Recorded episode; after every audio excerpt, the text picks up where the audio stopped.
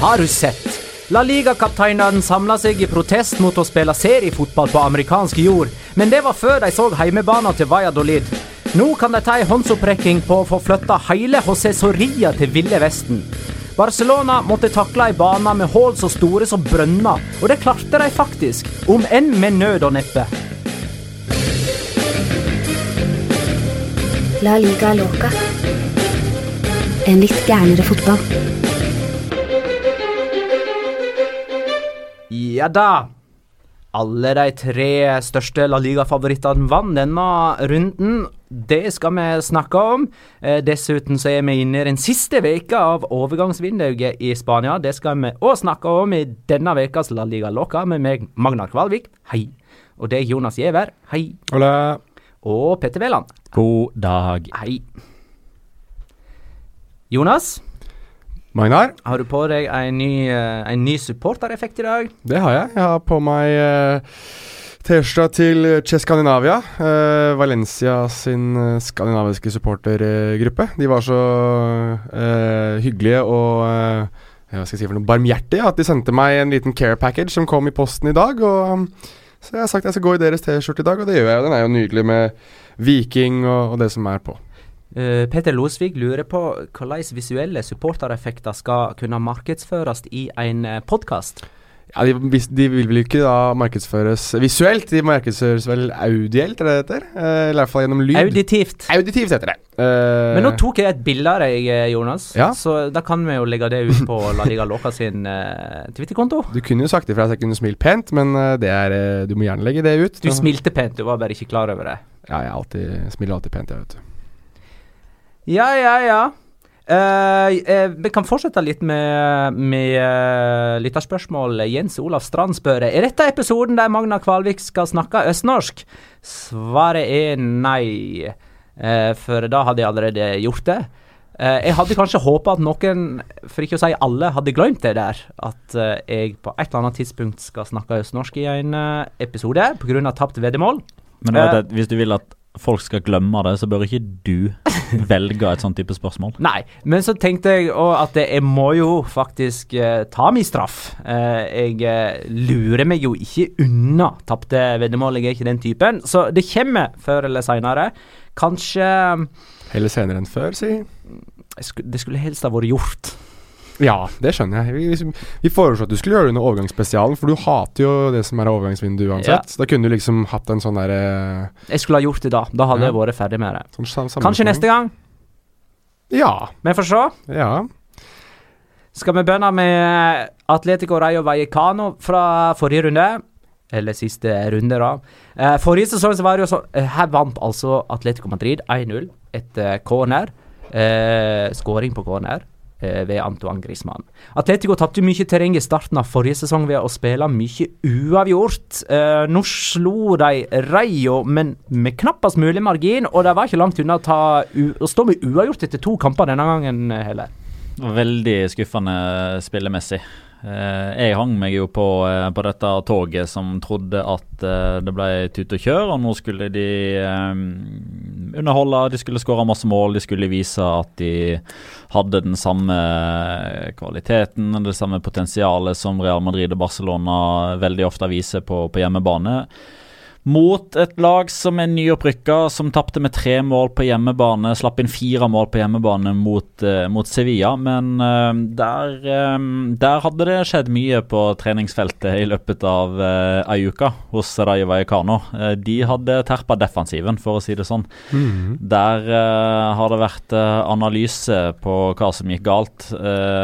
samtidig som de selvfølgelig hadde fått inn et par nye spillere. Luis Advincola spilte fra start, og han dekker jo langt større rom enn Tito. Rett og slett fordi han flytter seg veldig mye raskere fra A til B. Enn, eh, ikke bare raskere enn Tito, men raskere enn alle andre. Er jo, han er jo målt, verdens, eh, målt som verdens raskeste fotballspiller. Uh, og I tillegg til Alvaro Garcia, som, uh, som jeg syns hadde en fin uh, debut. En spiller som vi absolutt skal holde øynene oppe for utover i La Liga Loca høsten. Jeg tror han kommer til å bli en, eh, en attraksjon etter overgangen fra, fra Cádiz. Og jeg ble veldig imponert over at de klarte å på mange måter stramme taket rundt halsen på motstanderen. Akkurat sånn som Atletico Madrid pleier å gjøre. Med at de pumpa baller inn i feltet, vant andre ball, forsøkte på nytt, pumpa inn i feltet, sto høyt, vant baller tilbake igjen. Og, og ga aldri opp. Eh, og eh, hadde det ikke vært for at Atletico Madrid har verdens beste keeper, så hadde de tatt minst ett poeng. Uh. Og så skårer de på cornerer. Har de jobba med cornerer? For det at på de siste årene så har ikke Atletico vært så gode til å skåre på corner som eh, ryktet vil ha det til. Vi har jo prøvd å eh, etablere det som en myte Ja. eh, her. Ja, vi har jo prøvd å drepe den påstanden om at Atletico Madrid eh, er gode på corner, men kanskje er de det nå? Men det har ikke vært det de to siste cornerne. Men den, den så litt De innøvd ut. to siste årene, Ja, de to siste sesongene. Du sa corneren. Ja, Men eh, de skåra jo ikke på de to siste cornerne. Oi, ro, ro, jeg ro, feil, ro, jeg ro, ro, feil. ro. Nei, for jeg syns mot Men det så Valencia innøvd òg ut. at det så innøvd ut. Mm. De hadde mange, ni- eller flere innøvde trekk, og det hadde de kanskje nå. Og det er jo på tide òg, for når de har såpass mange grevlinger, som eh, vår gode kollega Bengt Eriksen pleier å kalle de for, så må de utnytte det på langt bedre måte enn hva de klarte de to siste sesongene. Ja. 68 baklengsmål på 118 kamper på uh, Jan Oblak. Underbygger påstanden om at han er verdens beste keeper. Flink han. Men ser de så solide ut, uh, eller vi har vel kanskje allerede antyda det, da, at de ikke gjør det, som vi hadde trodd. Altså, godt overgangsmarked, sterk uh, supercupseier mot uh, Real Madrid, og så kommer serien, og så er det litt sånn meh. Ja, nei, men er, er det ikke sånn det skal være med lag som skal uh, kunne utfordre for en tittel? At de skal starte litt sakte, men samtidig Sånn som plukke de Atletico poengene? gjorde i fjor og kom på andreplass. For eksempel. De endte jo på andreplass, da. Jo, de var fortsatt der oppe. Uh, men jeg mener jo det at uh, altså et, et mesterskapslag vinner kamper selv på dårlige dager, og det må vi jo for all del si at Atletico Madrid gjorde. Jeg så kampen igjen i dag, og jeg må være såpass ærlig å si at eh, det var vanskelig for meg å, holde oppmerksomheten fullt og helt på en fotballkamp jeg først og fremst visste resultatet på, og samtidig hvor kjedelig det egentlig var å se Atletico Madrid spille fotball. De var ikke noe morsomme å se på. Syns Rayo Vallecano var eh, langt mer interessante å se på. Men dette, dette er jo det som Atletico Madrid er kjente for. Altså De vinner eh, med knappest mulig margin. De er solide-ish. Jeg syns ikke de var sånn supersolide. Jeg- Som sagt, det at Jan Oblak står i mål, var jo grunnen til at det ble 1-0. Det var vel var det Alex Moreno som fikk stå aleine og, og avslutte på femmeter, og Oblak med mm, sånn typisk Oblak-pantersprang som uh, sikret seieren. Så jeg sy syns det er litt, litt tidlig å si at uh, Atletico Madrid ikke ser uh, ut som en mesterskapskandidat på bakgrunn av en kamp som det her, men, men ehm, de må nok Jo, opp det- et hakk, ja. Det er det jo. Altså, dette er jo egentlig litt sånn typisk for et topplag òg, at de vinner på en dårlig dag. Typisk for, for et lag som skal utfordre om tittelen, som jeg sier. At det, men, Ja. men, men, er det den gode gamle sånn Disse kampene vant ikke vi i fjor, eh, varianten. Ja, kan type det. Det spørs, så spørs det hvilke kamper de kommer til å tape utover sesongen. da Men jeg, jeg er veldig enig i det Petter sier, at jeg, uh, jeg hadde gledet meg litt grann til å se uh, et mer eventyrlystent Atletico Madrid-lag. Og jeg må jo ærlig innrømme det at etter å ha sett i den supercupkampen som du nevnte, Magnar, så så har man på en måte fått litt eh, lysten og kanskje håp om at Atletico Madrid kommer til å være mer frittspillende og, og fantasifulle eh, offensivt, men det har uteblitt i de to første kampene. Og er det jo jeg da sånn at nå, nå har Atletico Madrid holdt nullen i 19 av de siste 24 kampene de har spilt på Wanda Metropolitano. 19 av 24. 19 av 24 offisielle kamper. Er Så har de holdt nullen, og da trenger de bare den, den ene situasjonen der eh, verdensmester eh, og toppskårer i EM Antoine Griezmann står på riktig plass til rett tid, og så er det tre poeng. Ja, det var vel eh, Hvis jeg ikke husker helt feil, så er, har vel, det er vel ikke noe Madrid-lag som har skåret på Wanda Metropolitano ennå, sånn altså foruten Atletico Madrid selv, åpenbart. Men det er jo ikke et eneste Madrid-lag som har skåret der. Nei, 0-0 mot eh, Real Madrid i fjor. Mhm. 1-0 mot Rayo nå. Ja, Så slo de vel Retafe 2-0 eller noe sånt forrige sesong. Og Leganes 4-0. så det Getafe. 4 eller 5-0. Ja, så sa nettopp Retafe det. det. Mhm. Ja. Så det er øh, Madrid-lagene skårer ikke derfor utenom dem selv, da. Så det der kan de jo Det er også en sånn artig statistikk de kan ta med seg. Men katalanske lag har pleid å skåre der. Får vi se om eh, den uh, trenden endrer seg. Eh, Atletico Madrid møter Celta Vigo borte neste runde. Borte eh, Det er lørdagen. På papiret en vanskeligere kamp. Kanskje eh, stepper de opp kvaliteten en smule. Var det store antiklimakset fra denne serierunden Sevilla mot Villarreal? Jeg mener det.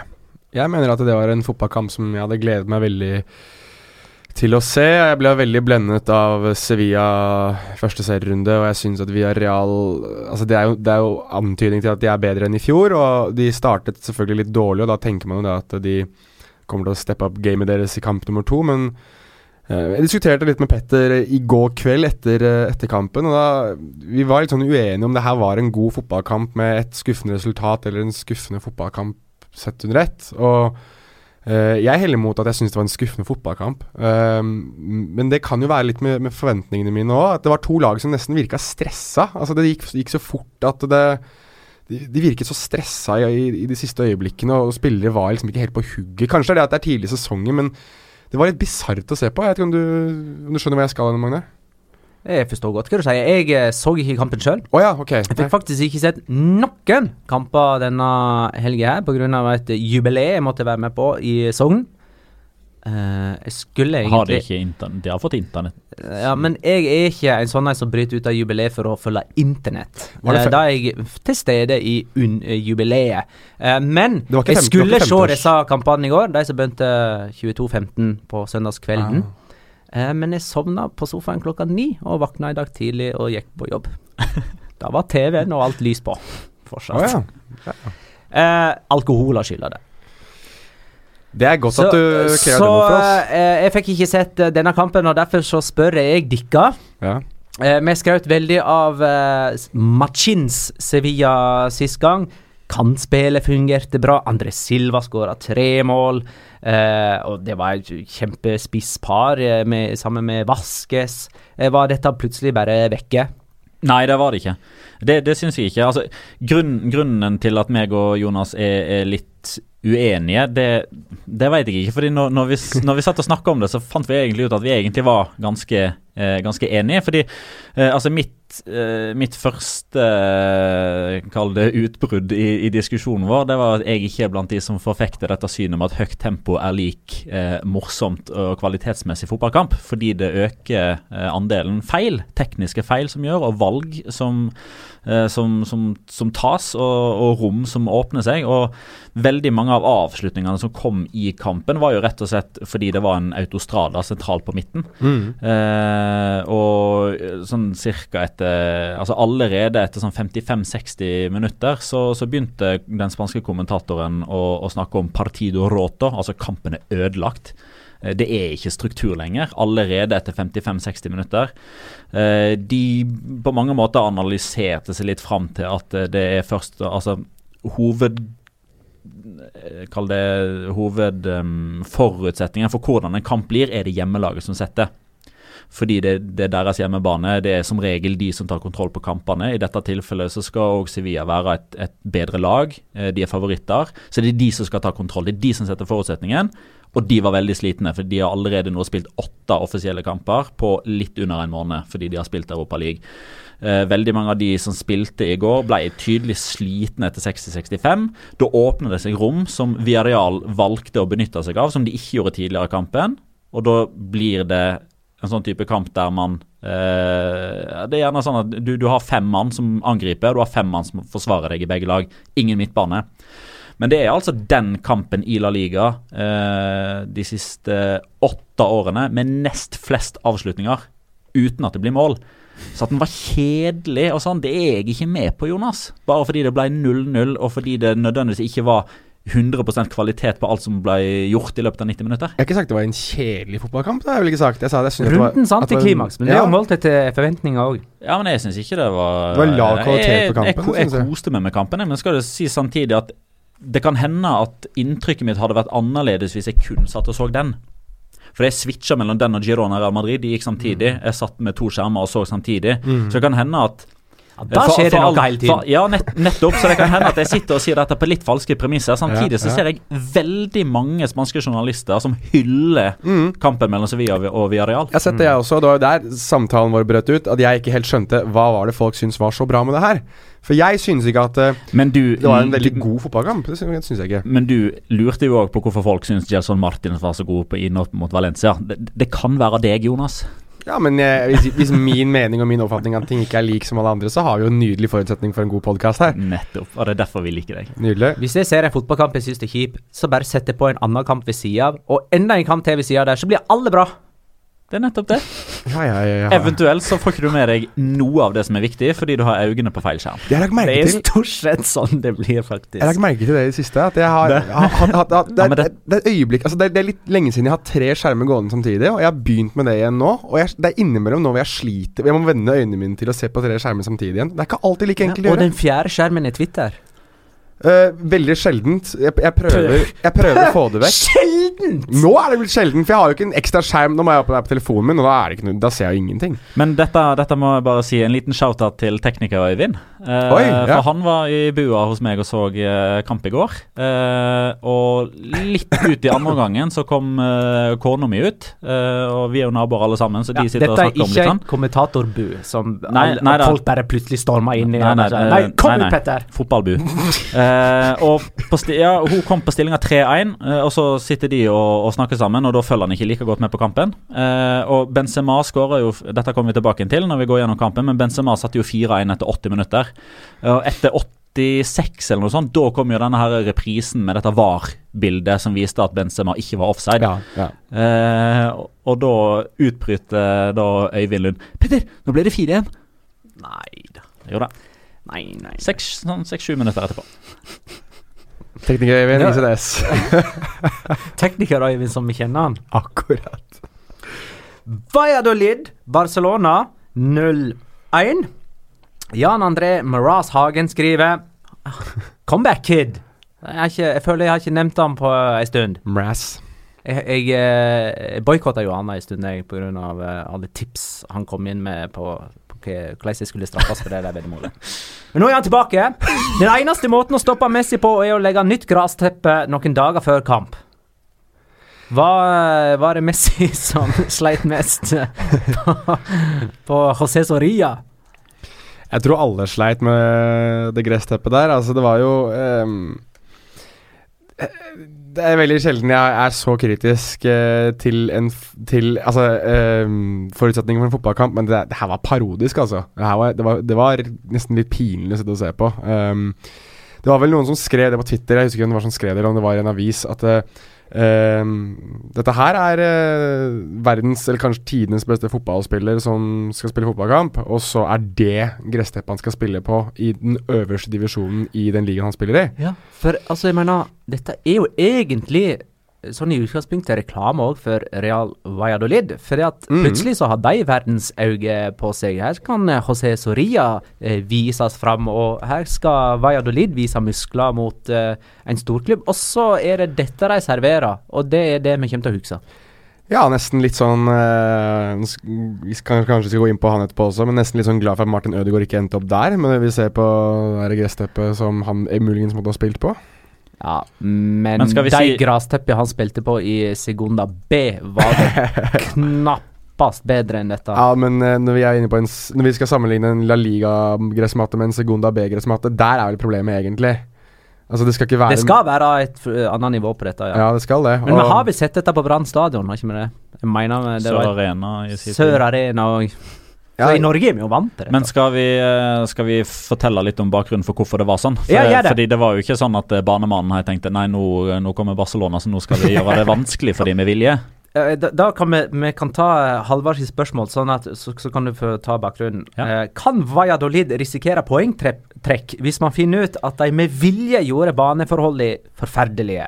Og så kan du få t- Og så fortelle var ordet mitt. mitt. Ehm, dette her er jo ikke noe som skjer så veldig ofte. Derfor har man ikke så veldig mange ting å se tilbake på. eh, for å liksom til Ja, når de gjorde det, så skjedde det, og når de gjorde det, så skjedde det. Eh, men eh, det er jo blitt åpna disiplinærsak nå. Tebas var ute og bjeffa på Twitter ved midnatt, og så kom pressemeldinga da søndag morgen om at de åpner sak fordi baneforholdene ikke står til kravene som man setter i en eh, under competition como la liga. Eh, ja, de framhever seg sjøl, En turnering som La så Liga. klart.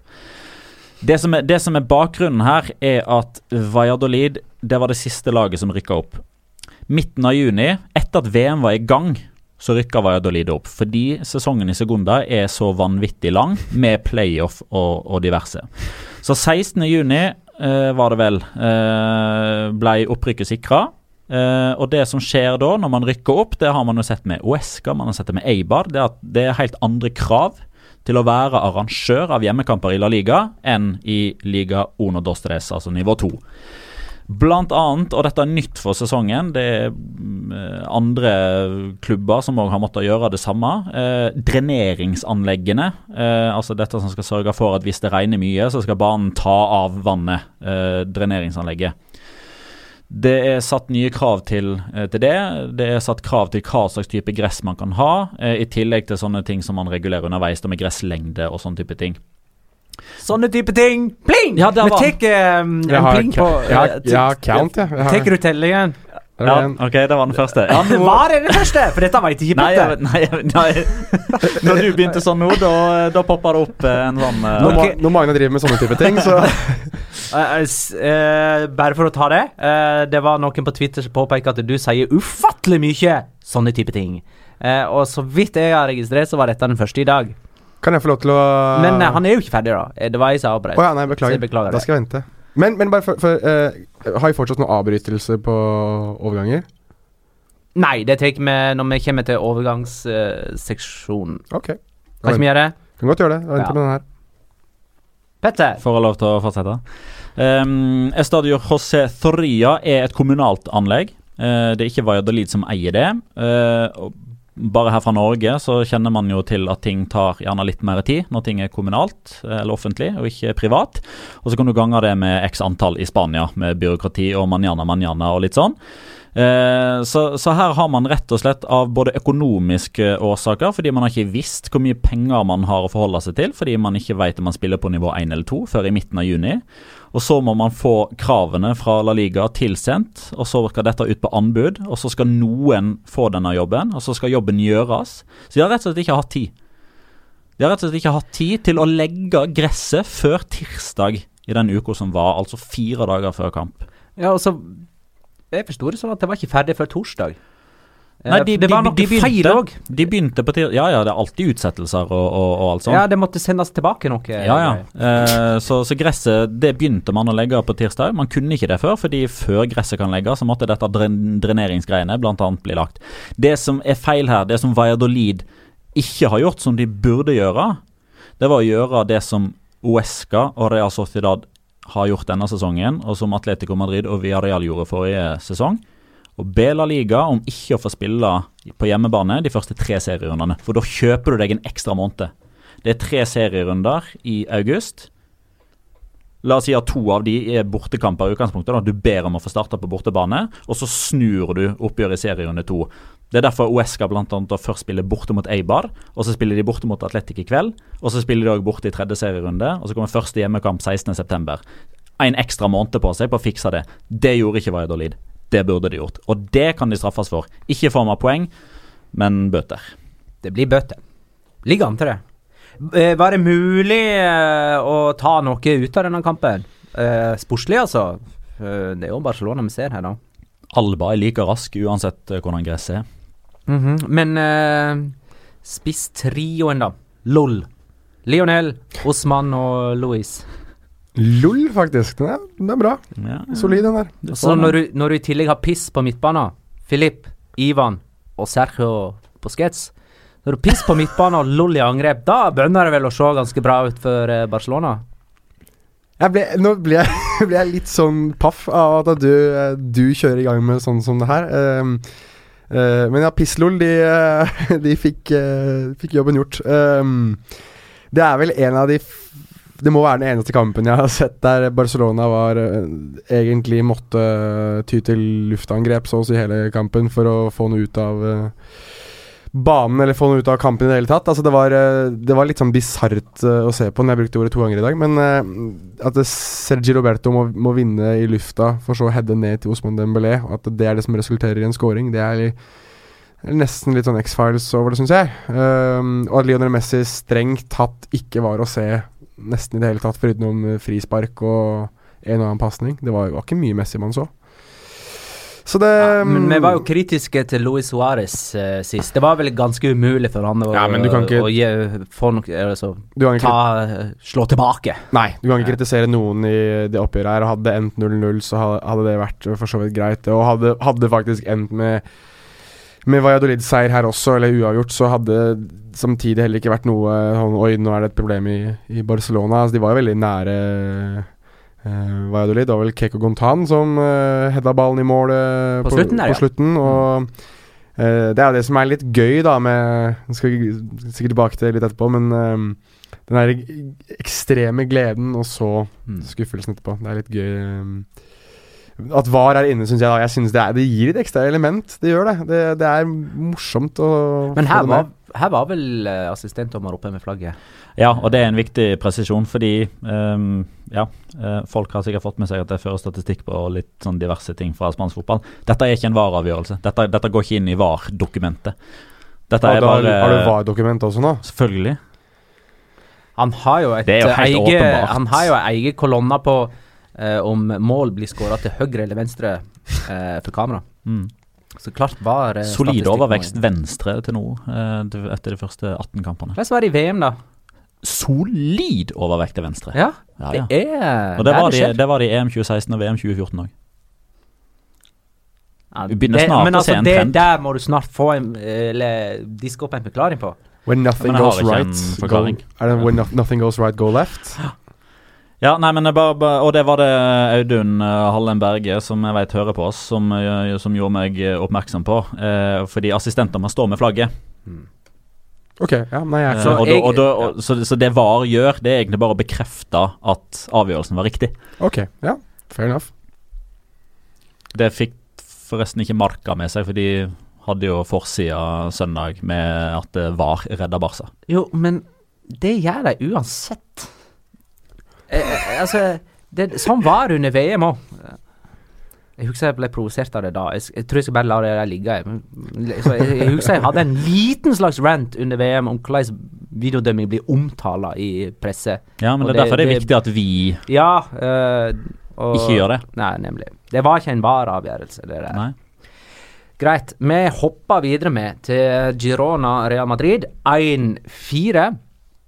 Ehm, Girona slo jo Real Madrid forrige sesong, Mhm. men så skifta de trener, så nå gjør ikke de det lenger. Uh, men de tok ledelsen ved Borja Garcia. Real Madrid snudde med mål av Sergio Ramos, Gareth Bale og Benzema. Hei, forrige gang, før vi gikk i studio forrige gang, så vi, fikk vi kjempebra spørsmål, faktisk, uh, på uh, Twitter. Eh, som jeg ikke tok opp uh, i forrige episode, for at jeg følte ikke det var aktuelt da. Men jeg føler det er det nå, så her uh, kommer det. Jesper Tørstad. Hvor mange straffer får Real Madrid i snitt i løpet av en sesong? Og ettersom Ramos er den nye straffetakeren, er det verdifullt å tippe han som målskårer før hver eneste kamp? Skårer han ikke på corner òg, han.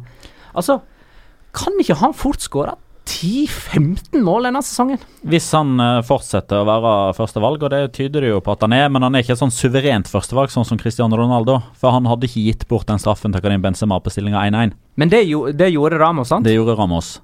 Eh, ja, eller, eller så kan det være sånn at de rett og slett bare har sånn Hvis det blir én straffe, så tar Ramosen. Blir det to, så tar Benzema Ja, den andre. kan godt hende. Men eh, Maina Cristiano Ronaldo ga Benzema en straffe i forrige sesong? Ja, men det var eh, Da var stillinga noe annerledes. Det var på hjemmebane, og da trengte Benzema mål like mye som eh, Han trengte det nå. Ja, han, han trengte det akkurat der og da. Og nå. I, Eh, nei, det, Jo. Nei, Han trengte hadde- å komme i gang, han òg, altså. Jo, men ikke på samme måte. Ikke på samme måte. Godt å få den ene nieren de har, i gang. Alt, alltid godt å skåre mål, si. Bale også eh, sa vel i pressen etter kampen at han også gjerne vil ta straffer, men eh, at det er opp til treneren å bestemme. Så det er jo mange om beinet der, da. Men uh, om det er verdi i å spille Ramos-skåring hver eneste kamp Det er klart, Han er jo den uh, forsvarsspilleren som skårer mest. Oddsen er deretter. Uh, det ligger som regel på firetallet, på femtallet, når Ramos er i aksjon. Det er ufattelig lavt til forsvarsspillere å være, men Men det kan òg indikere verdi. ja, Det kan 1000 det. kroner hver helg.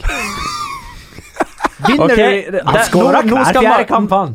Han skårer hver fjerde kamp.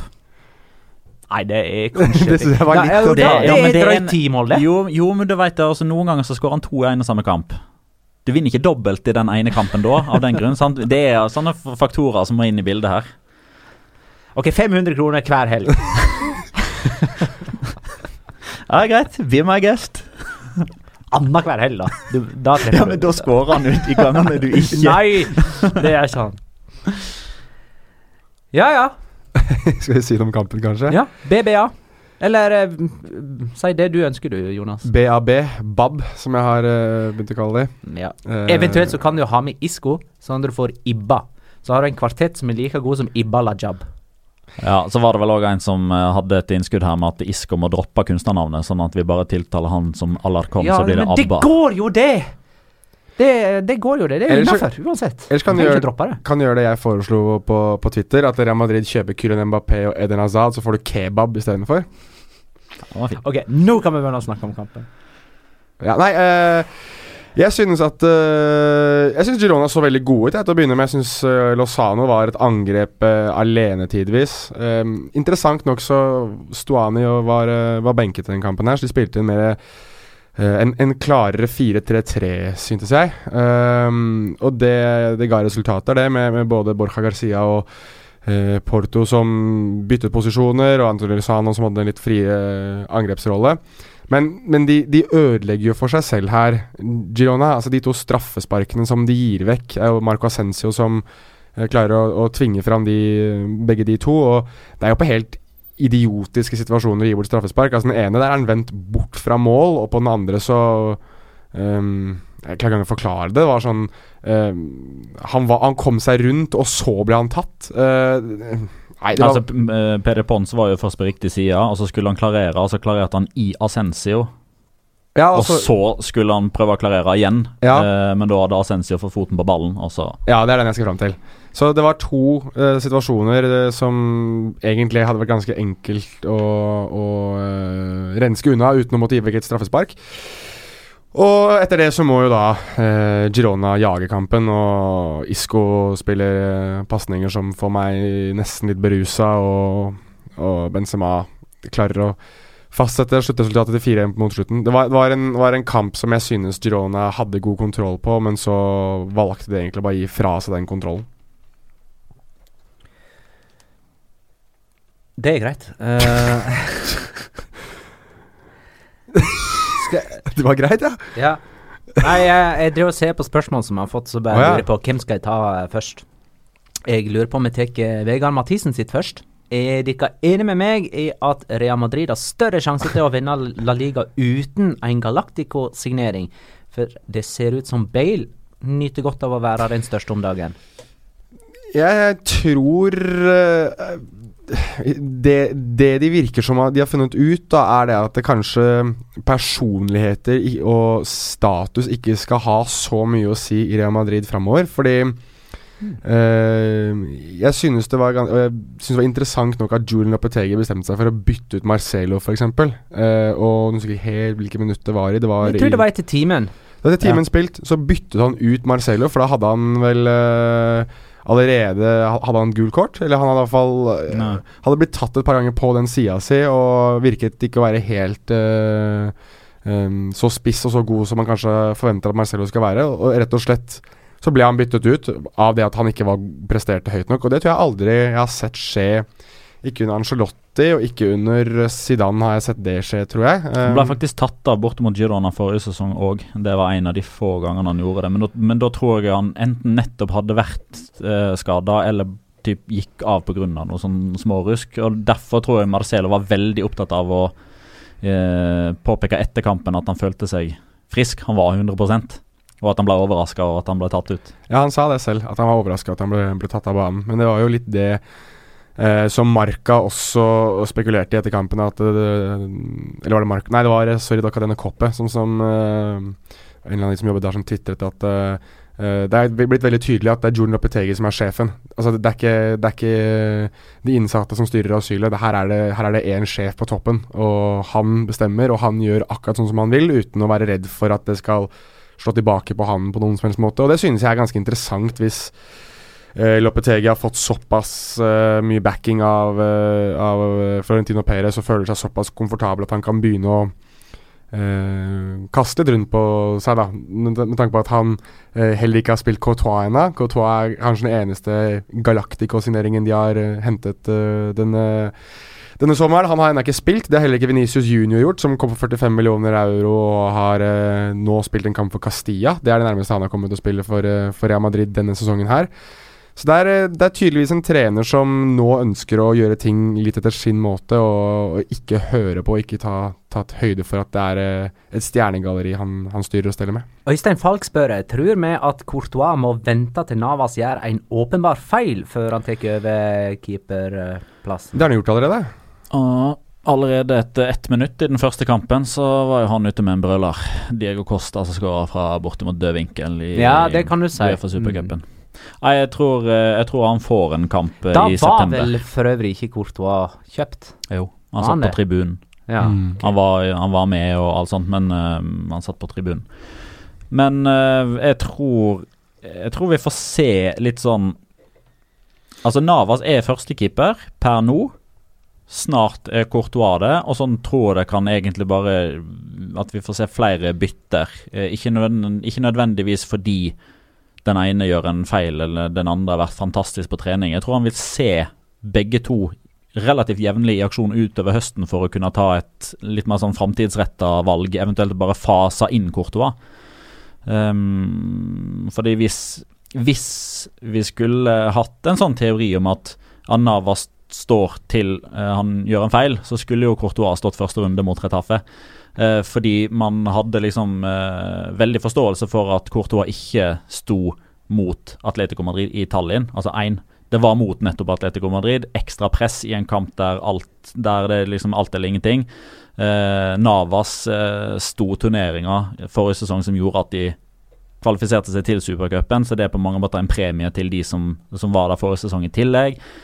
Men eh, jeg tror Courtois brått står eh, den første seriekampen etter landslagspausen. For da har man igjen en sånn type et, et, smutthull der man kan argumentere for hvorfor Courtois står og ikke Navas, uten at man begynner å snakke om vraking eller at Lopetegi har tatt et valg. fordi da skal jo Navas til Costa Rica og spille landskamper med lang reise og sånne type ting. Det er en dårlig unnskyldning, sånn men det er en unnskyldning.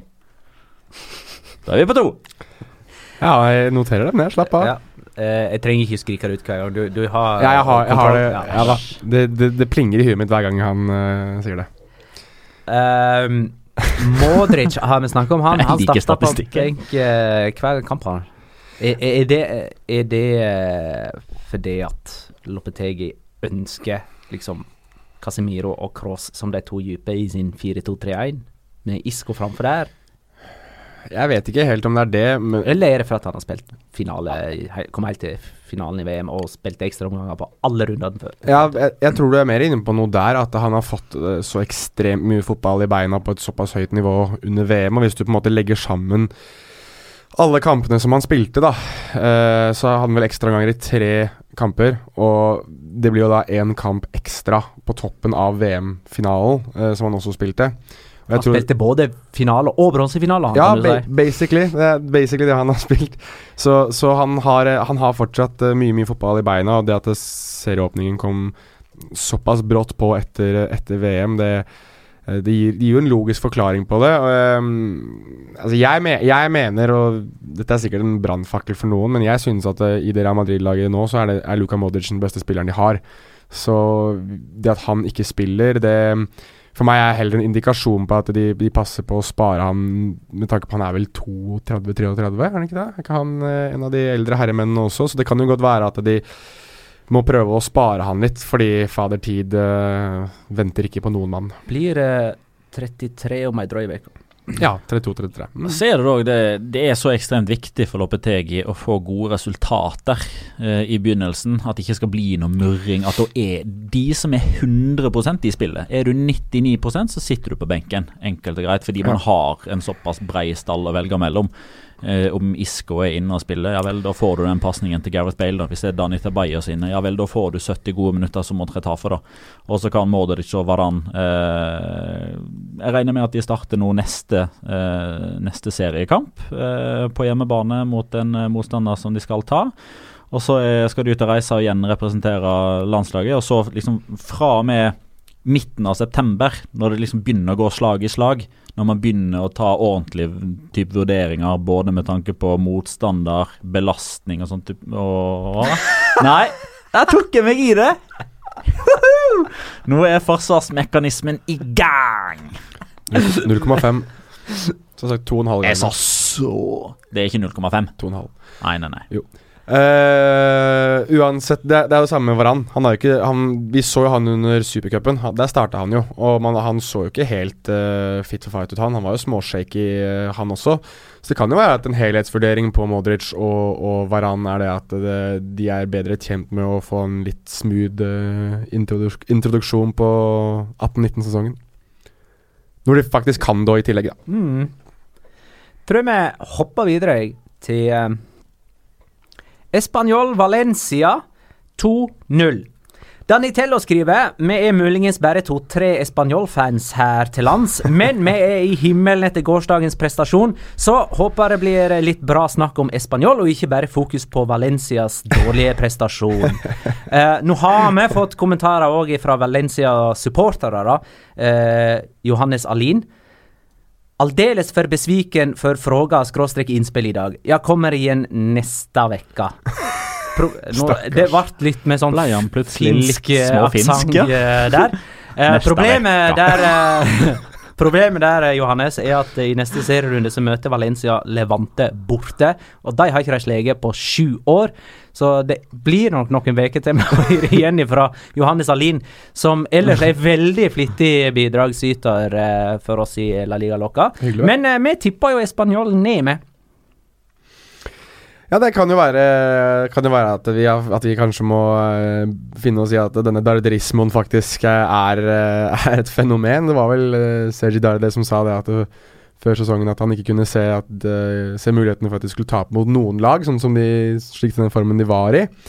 Uh, og det har de jo ikke gjort på de første to kampene, vel. Så um, de, de så eh, Altså, vi, vi snakket jo litt om det på slutten av forrige sesong og litt uh, sesongomkjøringen også, at mange av de spillerne de har i den troppen, er langt bedre enn det forrige sesongens prestasjon eh, tilsier. Under Kikki Flores. Under Kikki Sanchez Flores. Og det, og det eneste jeg synes de har gjort under Robi, er det at de ser ut som de bare er mer påskrudd. Og det var han som fikk opp Uesca. Ja, det var det. Så det er kompetanse der, antagelig. Definitivt. Og de ser bare mer Altså, de ser Det var en ting som jeg syns var mer sånn klart mot Valencia. At de bare virka som de ville det mer. At de var mer gira, mer energirike. Det var ikke noe sånn Uh, hokus pokus, han har gjort det og det og det, og det og det har skjedd, og at det bytta formasjon og sånn og sånn. og sånn Det var bare det at de virket mer påskrudd, at de var mer villige til å gå i krigen og uh, mer sultne på å overbevise, spesielt sikkert etter forrige sesong òg. Og det All ære til, til Rubi for det, eh, men det, er jo ganske eh, trist for Valencias del at de faktisk blir kriget ut, for det er vel kanskje en av de tingene de ikke skal tillate seg.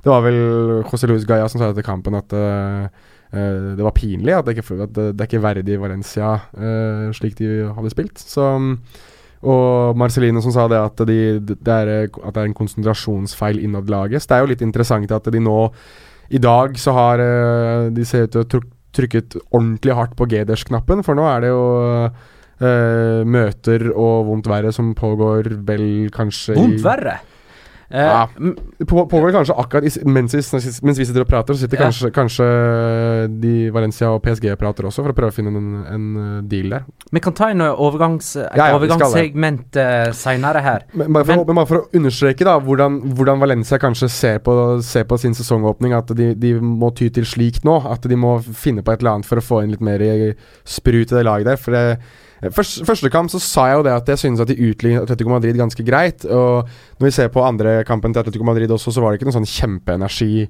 i dem. Det var vel kanskje det eneste laget som ikke hadde to uh, cooling breaks i løpet av kampen sin. Atletico Madrid hadde ikke en cooling break i andre omgang.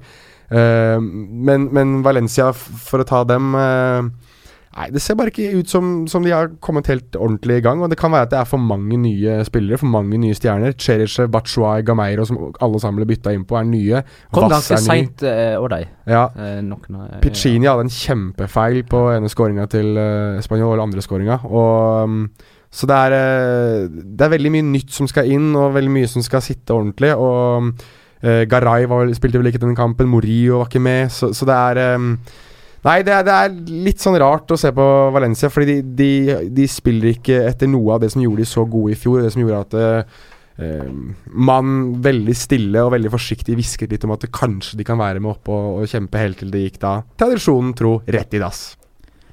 Det blir for eh, smalt, altså, angrepsspillet uten Geders. Eh, når du da kjører både Carlos Soler og Daniel Wass, ingen av de er breddeholdere. Og når Piccini sover i timen defensivt og ikke blir med offensivt, og José Luis Gaya alltid skal slå innleggene med innsida av venstrefoten, gjerne med forsøk på å få en liten dupp, han slår nesten aldri harde innlegg. Det blir for lite Det blir for lite fantasi. Det, det blir liksom for enkelt å forsvare seg i blokker. Og, og Español var veldig flinke til å, å lede Valencia-spillerne utover når de kunne det. Så jeg syns det var en eh, både, både sportslig og kvalitetsmessig og taktisk triumf av Robi eh, over eh, Marcelino. Men så er det selvfølgelig han, han, han har jo ikke så veldig mange strengere spiller på heller, da. Når man eh, er på jakt etter eh, løpssterke vinger som liksom går utover og ned til dørlinja. Det er liksom Chedichev. Men han er, han er forholdsvis ny. Eh, han er Jeg mener ikke han er Valencia startmateriale, noe som eh, Ja, vi kaller det for VM-feber, uten at det blir politisk ukorrekt. Den er over. Eh, det, er liksom, det, det er mangel på alternativ. Altså, de, de, de må få inn Geders. Hva syns du om Borja Iglesias, altså? Sterk. Fin. Er imponert. Eh, irriterer meg grønn over at jeg ennå ikke har funnet ut hvorfor de kaller han for Pandaen. Det blir hjemmeleksa mi til neste gang. Det var en av eh, Español sine målskårere, sammen med Granero. Eh, trakk ikke du fram Mark Rocca òg, eh, Petter? 21-åring. Mm, han var fantastisk. Han var, han var overalt. Eh, virkelig i ferd med å få sitt definitive gjennombrudd. Mm. Eh, han fikk jo knapt spilletid under Kikki Sanchez eh, Flores. Eh, åtte kamper forrige sesong. Vil du si han er steinhard i taklinga? Mark Rock. Jeg likte den. Og jeg liker jo òg at han har tatt uh, plassen til Carlos Sanchez, som ble kalt El Roca uh, forrige sesong. For øvrig, jeg har en innrømmelse. Eh, Nå, nå, eh, jeg har bare sett høydepunkter fra kampen. Eh, og Ja, For meg ser det ut som eh, når Granero skåra på det frisparket, det via tverrligger og ned så vidt innafor streken, så er ikke det, det er ikke mållinjeteknologi. Nei. De bruker videodommer til å vurdere om ballen er inne. Ja, de har ikke sånn klokka. Nei, det, dommeren får ikke beskjed på sånn klokke om at det er goal, og, og de har ikke disse her eh, Sensorene. sensorene i, i stolper og sånne ting. Jeg Det, vet- det skjønner du. Jeg vet ikke om jeg liker det, at de ikke har det. At Nei, da må de jo ta det på øyemål, eh, så godt med det beste kameraet de har. Eh, Ja, for jeg satt og så, altså hvis, hvis du ser uh, disse VAR-bildene en gang til, så skal ikke jeg lage noe mer spekulasjon enn nødvendig, men det er vanskelig å være helt sikker på at hele ballen er over på de bildene vi blir servert. Nå vil jeg jo håpe at uh, VAR-dommerne kan zoome inn og faktisk se enda bedre enn det vi får. Det kom jo en sånn, sånn 10-12 minutter etterpå på TV-produksjon der de hadde zooma inn. Det fikk ikke jeg med meg. Jo, det var Ok, det kan godt være at jeg hadde det. Men Nei, for, på det bildet jeg så, da, så, så må man på en måte ta utgangspunkt i at stolpen er like brei som eh, streken. Tenk hvis stolpen er litt bredere enn streken, da får ikke Mm. du sett om den ballen men inne. det, For det, den står i er jo ikke tilfellet, for det, jo, det Jeg- står jo i regelverket Det gjør ja. for å gjennomføre en ligakamp, så må uh, stolpen være sånn og sånn. Uh, altså, dette er innenfor regelverket. Så da, da kan man måle det med hjelp av stolpen. ja. Mm. Da er det jo litt enklere, i alle fall. Uh, og, og den ballen så Det så vel riktig ut at den var inne. Jeg hadde bare forventa at eh, dommer skulle ta det med en gang, med sånn her, klokke som vibrerte og skreik mål. Goal! For dyrt. Øvrige kamper, hvis vi er ferdige nå med Spanjol Valencia. ja, kan godt si Getafe Eibar 2-0. Eh, noe som betyr eh, ræva sesongåpning for Eibar, som står med null poeng etter møtet med Uesca og Getafe. Leganes Real Sociedad 2-2. Kanskje rundens mest underholdende kamp eh, så langt. Mm. Eh, Asier Gar Garitano eh, var jo tilbake da, på Botarque mot eh, gamle klubben. Så ut til å vinne 2-0, men eh, Leganes eh, svarer altså med to sene skåringer til 2-2.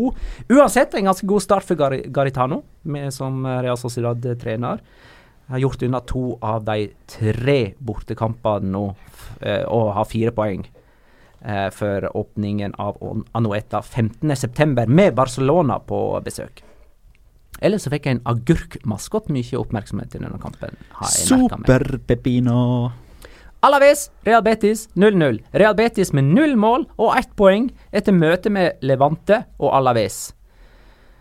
Der eh, snakker ikke med potensial om Eller Champions League-potensial, altså, med, med en sånn eh, åpning. Eh, de to kampene jeg da ikke har nevnt, de går uh, denne kvelden mens vi sitter i studio, sånn cirka.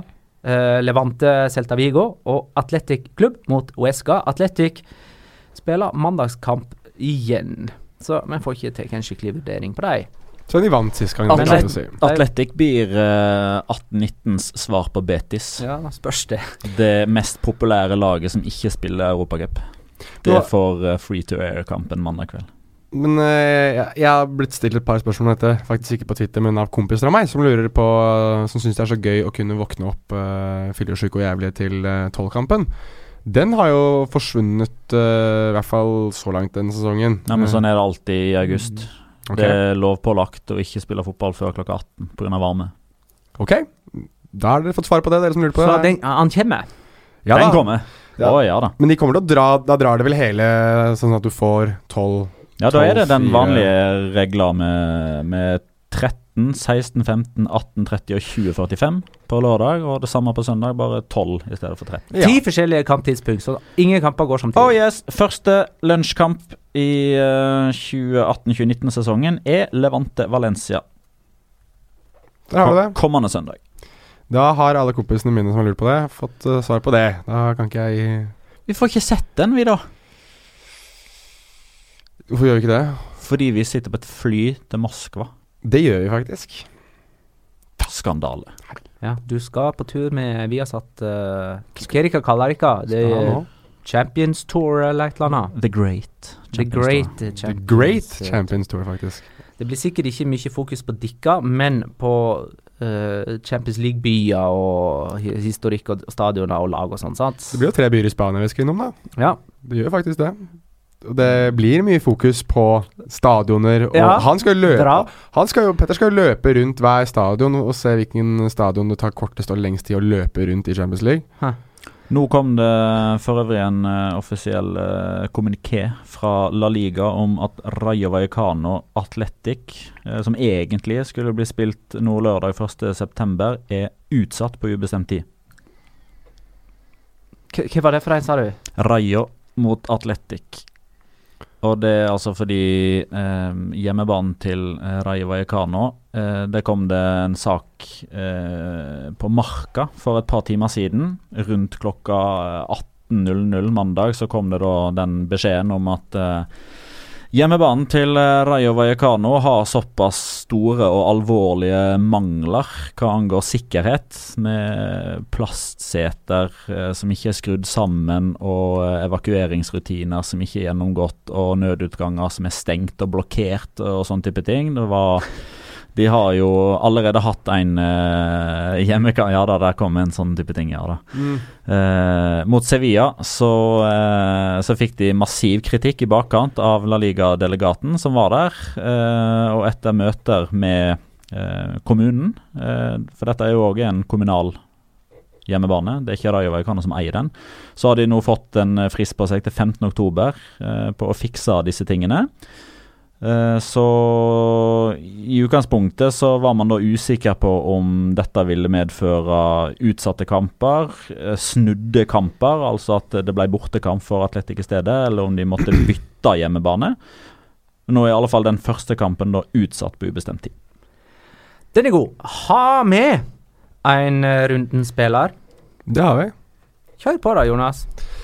Da skal jeg eh, kjøre på med, med runden spiller, og vi, var, eh, vi har nesten nevnt han, så jeg skal uh, introdusere dere for en av mine Vi har, vi har ikke noen nordmenn i, i, uh, i La Liga, men vi er fortsatt representert gjennom Marokko. Uh, eller jeg er representert gjennom Marokko, derav vår podcast. Og denne runden så var det da en marokkaner som stjal mye av oppmerksomheten, så jeg skal lese opp det jeg har skrevet om denne marokkaneren.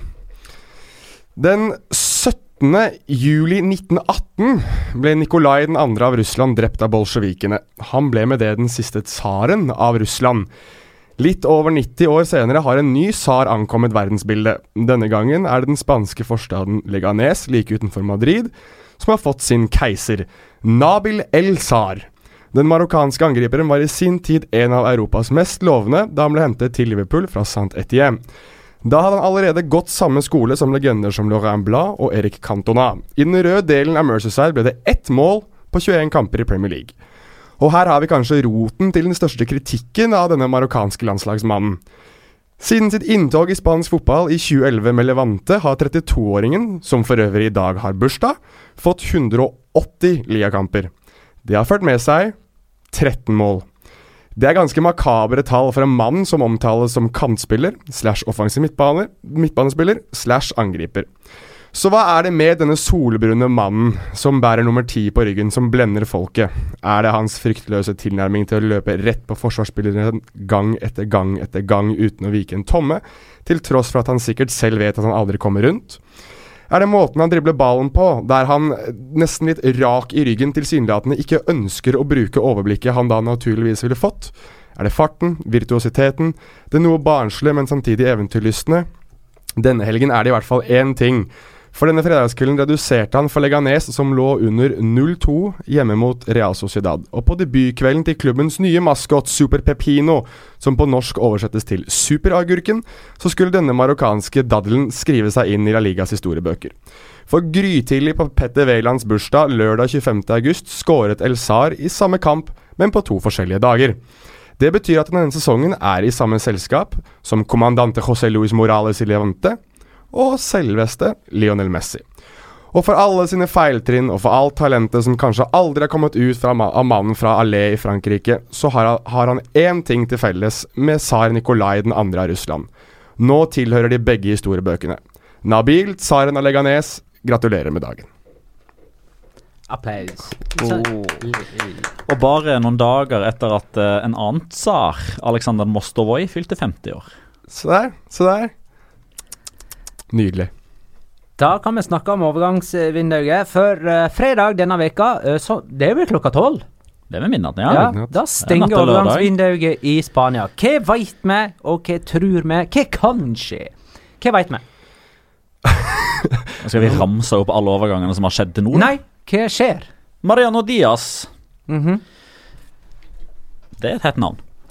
Mariano Diaz spiller jo, i, spiller jo i Lyon, og jeg har jo vært eh, kanskje hans største pådriver i, i, da han var i Real Madrid, og ville at han skulle spille mer for Real Madrid den gang. Han har jo da vært eh, det som engelskmennene kaller on fire i eh, fransk fotball. Banket inn mål på bestilling, og naturligvis har dette gitt uh, interesse fra si, større klubber, eller kanskje mer prestisjetunge klubber akkurat nå. Eh, annet Uh, Sevilla og Real Madrid er vel begge nevnt som potensielle aktører, spesielt førstnevnte. Eh, men der er det vel snakk om 40 millioner euro dersom uh, han skal til, uh, til Andalusia. Og en del av de pengene der går vel til Real Madrid? Ja, sånn som jeg har forstått det, så er det, det er 33 pluss 2 eh, i eventuell overgangssum. Det er det Eldes Marke som, som, skriver. Og det Real Madrid har, det er eh, derecho de tanteo. Altså de kan matche dette budet. Eh, Lyon har nå kommunisert til Real Madrid. De har fått dette budet fra Sevilla. De aksepterer det, det er en enighet. Dere har 48 timer eh, på dere til å bestemme dere for om dere vil matche dette eller ikke, og så blir det opp til Mariano Diaz å bestemme. Mariano Diaz har jo tidligere uttalt at han gjerne vil spille i Real Madrid. Så han vil spille for Spania og, og det som er. Um, så han vil jo i så tilfelle bli by far den dyreste Sevilla-spilleren gjennom tidene. Så får vi håpe at det blir uh, mer suksess enn mannen som uh, akkurat nå innehar den uh, Kall det rekorden, da. Louis Moriel. Som kostet 20. Det er for øvrig også da eh, Magne Kvaliks svar på Nordin Amrabat. Men det bringer oss jo over på følgende eh, quiz, da. Hvem skal ut? Altså, de har uh, Altså, jeg vet at du fortsatt ikke er bergtatt av André Silva, hat trick i første runde til tross, fordi han ikke var 100% mot Viareal, Men han er jo leid inn, så han blir der uansett. Ja da, så har de Wissam Ben Yedder, og så har de Luis Moriel. Og så skal de ha Mariano Diaz i tillegg. Det er maks to som spiller samtidig. Som regel bare én. Det er Vet du hvem Der er det noen som ikke kommer til å være fornøyd med spilletida. Og jeg frykter, jeg frykter at det blir Wissam Ben Yedder. jeg Jeg blir overraska om han er Sevilla-spiller lørdag 1.9.2018. Jeg er enig med Skal Lione Lyon hente han da som erstatter, eller? Det kan hende at de har et salg på gang. Altså, Ja. De har jo begynt med han uh, på benken nå de siste kampene, da. Eh, for ikke å si Ja, det er flere. Beg, begge La Liga-kampene, i alle fall. Ja, men jeg, er enig, jeg er enig med deg, at, eh, og spesielt også hvordan han ble jeg å si, behandlet forrige sesong også. Um, han var uh, igjen by far den beste spilleren til Sevilla i fjor, syntes jeg. Og startet merkelig nok veldig mange kampene på benken, til tross for at han hadde en vanvittig rekke i, Champions League og senket Manchester United på Old Trafford. Og, og da kom vel også innpå som innbytter. Så Nei, jeg, jeg tror at hvis, hvis eh, Mariano Diaz går til Sevilla, så hadde jeg Vær så stygg å si at jeg hadde håpet at det er Louis Morel som skulle ut, men jeg tror dessverre at det blir Wissam Ben Yedder. Men du sa at du hadde en sånn variant tidligere i dag. Ja, det har jeg. Uh, den er jo ikke ja, det er, Hvis den ikke er offisiell, så kan du ikke bruke okay. Den er si. Uh, fordi det er noen som har uh, lagt ut bilde av Gabel Pires, uh, som står, holder opp Benfica-drakt med nummer og det som er, foran en hav Benfica-fans. Så det ser nå ut til at eh, Leganes da har solgt Gabel Pires til eh, Benfica. Det er jo en overgang som Kanskje ikke til Benfica, men det har vært ventet ganske lenge at Gabel Pires har vært på vei ut av eh, Leganes, så den er ikke noe det er ikke en overraskelse, men nå ser det ut til at den er eh, så å si bekreftet. Eh, har vi noe annet litt mer saftig som vi eh, føler oss ganske sikre på kommer til å skje i løpet av disse dagene som kommer? Gonzalo Geders er jo Nei, nå snakker vi. Da er vi inne på en som eh, Som nok kommer til å skje, men det var litt sånn som jeg og Petter diskuterte på bakrommet her før vi skulle inn, eh, inn i studio, at det, det ser ut til å være et scenario av hvem er det som blunker først. Er det Valencia eller er det eh, PSG? Fordi det vi vet, er at PSG eh, etter all sannsynlighet må prøve å sope opp mest mulig penger for å balansere Financial Fair Play. Det er vel noe sånt som 80 millioner euro eller noe de må ha inn da for å kunne balansere dette. Og Det er jo da selvfølgelig eh, også den summen de spør om for Gonzalo Geders av, eh, av Valencia. Den summen er ikke Valencia spesielt interessert i å betale, og det som har vært uh, rykta, er jo det at Valencia aller helst ønsker å låne han uh, en sesong med da ditt favorittbegrep, Magnar. Obligatorisk kjøpsopsjon. Og kanskje kan det være på to år? Lån på to år. Nei, det var ett år. Med obligatorisk halvkjøp om ett år og obligatorisk fullkjøpsopsjon om to. Dette er mer Er ikke det litt sånn eh, Er ikke det Morio og sånt noe som har vært på, på den type Det driver driver sånn delbetaling over flere år, som er obligatorisk. Det her er i hvert fall obligatorisk, var det som var, var rykta. Du må ikke glemme alle variablene. Ja, det er mye variabler.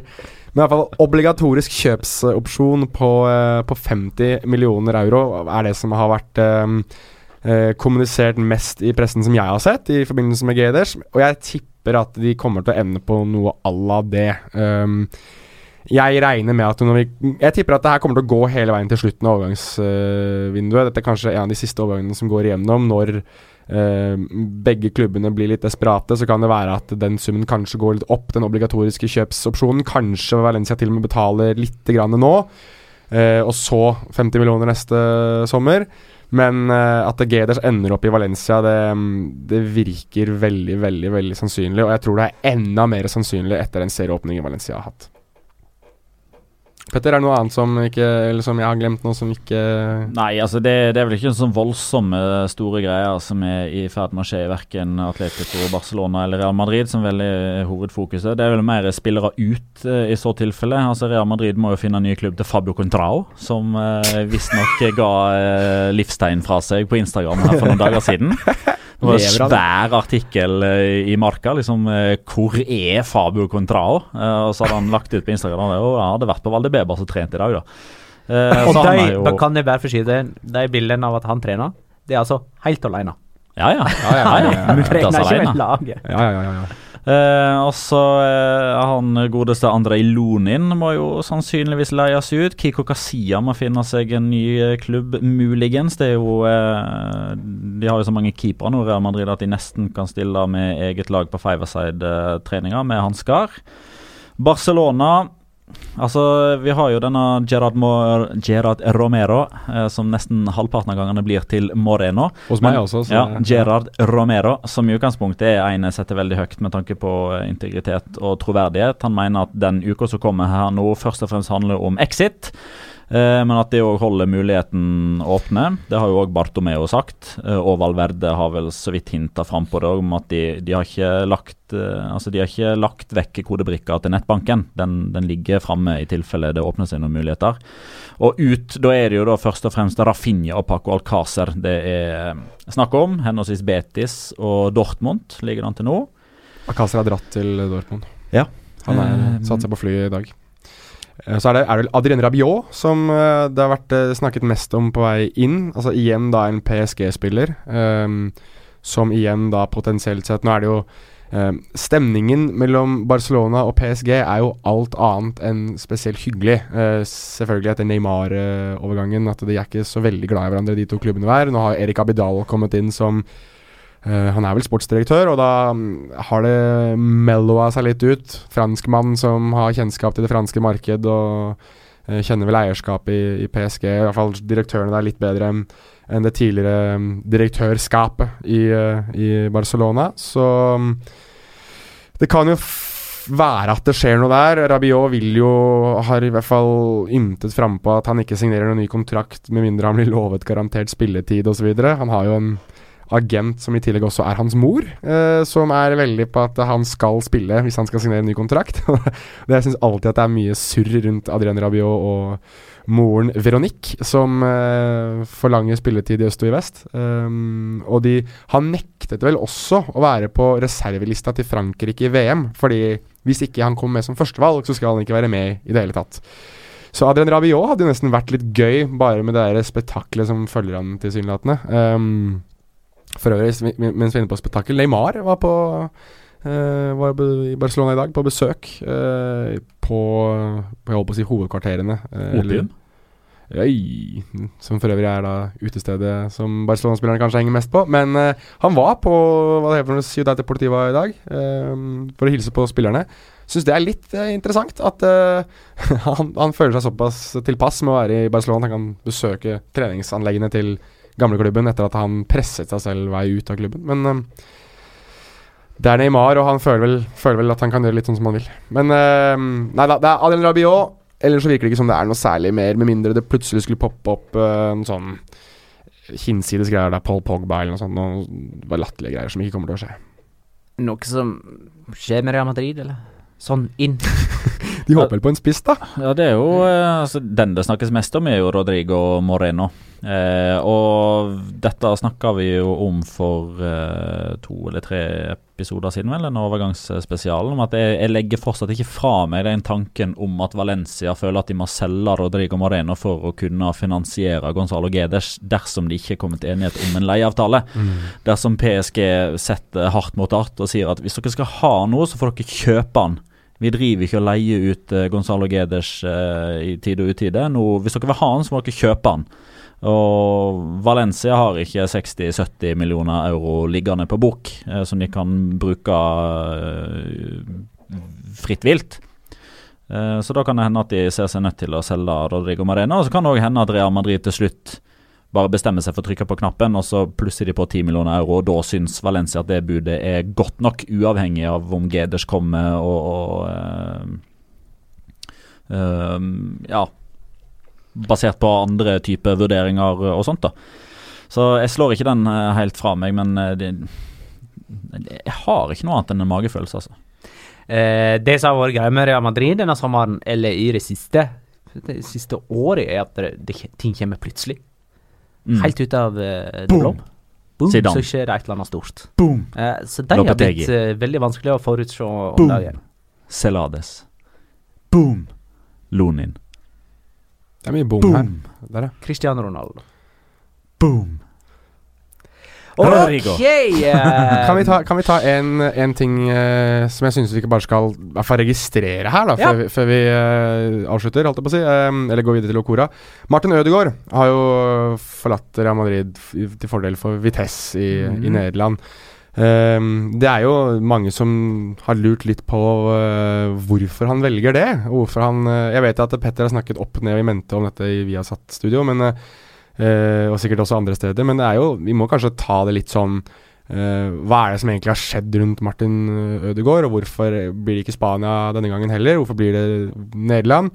Um, og Jeg vet ikke om dere kanskje har lyst til å si noe om det før jeg sier hva jeg mener, men, men hva tenkte du, Magna? Du, du måtte jo ha hatt noen tanker når du så at det ble Eh, Vi var vel ganske samstemte her en gang om at uh, La Liga var rett arena, og at det var der det kom til å skje.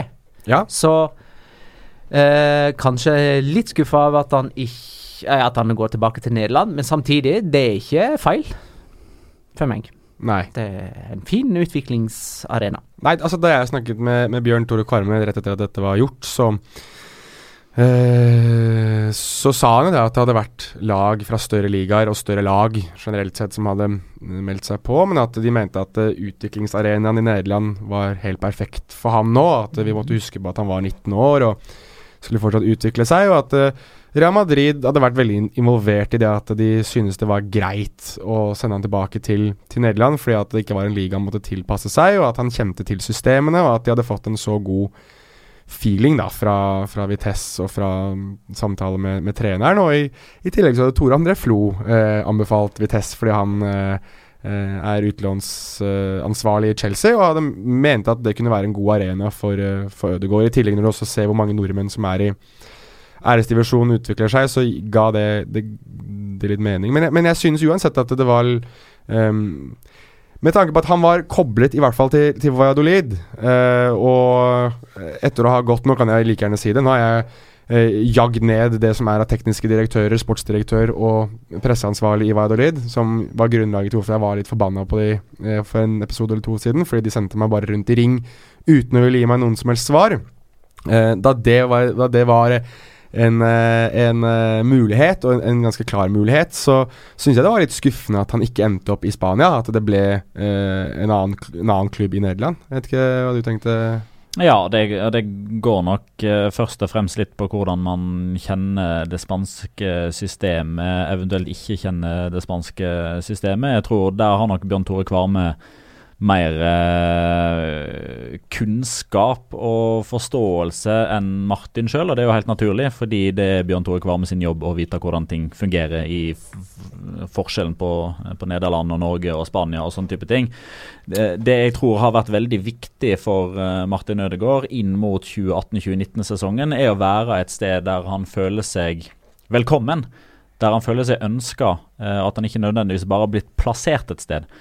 Eh, og når man ser da Slutski stå eh, med bredt smil til Fox Sports og, eh, og snakke om Martin Ødegaard før han i det hele tatt har bestemt seg og på mange måter frir litt til han, man, man vet at, at de to har snakka direkte sammen og de, Slutski har gitt Martin Ødegaard eh, på ingen måte noe lovnad, men de har snakka sammen om hvordan han ønsker at de skal spille, hvordan Ødegaard skal bli brukt, eh, ser muligheter sammen.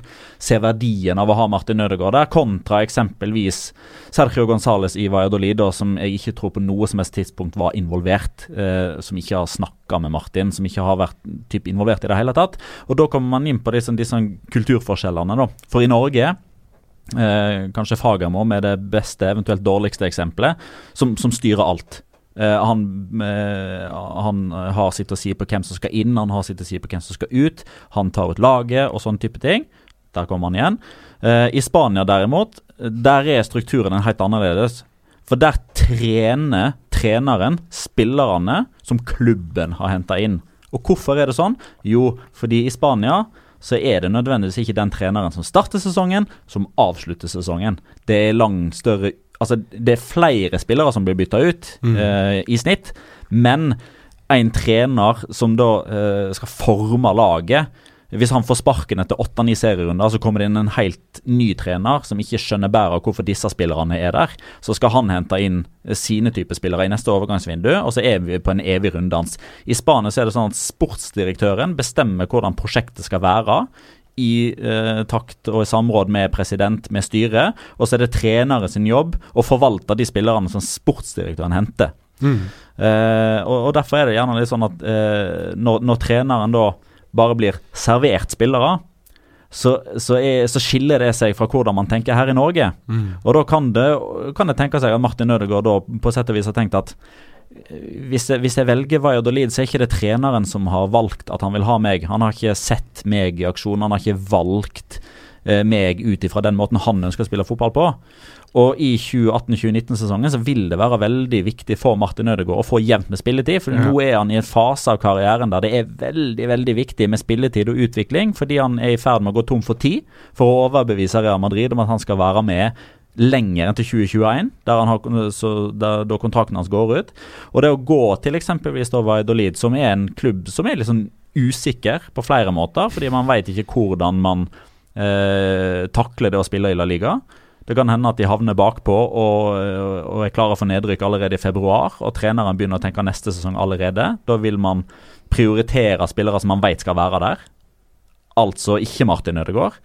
Uh, så, så jeg, tror det, jeg, tror det, er en sentral del av hvorfor Martin Ødegaard da ikke valgte Valladolid, eksempelvis. Vi må ta kortere variant uh, på, som svar på Håkon Nordengen sitt spørsmål. Er det noe håp om Sanne Berge til La Liga? Er det virkelig, er virkelig én nordmann for mye å be om? Overgangsvinduet stenger på lørdag.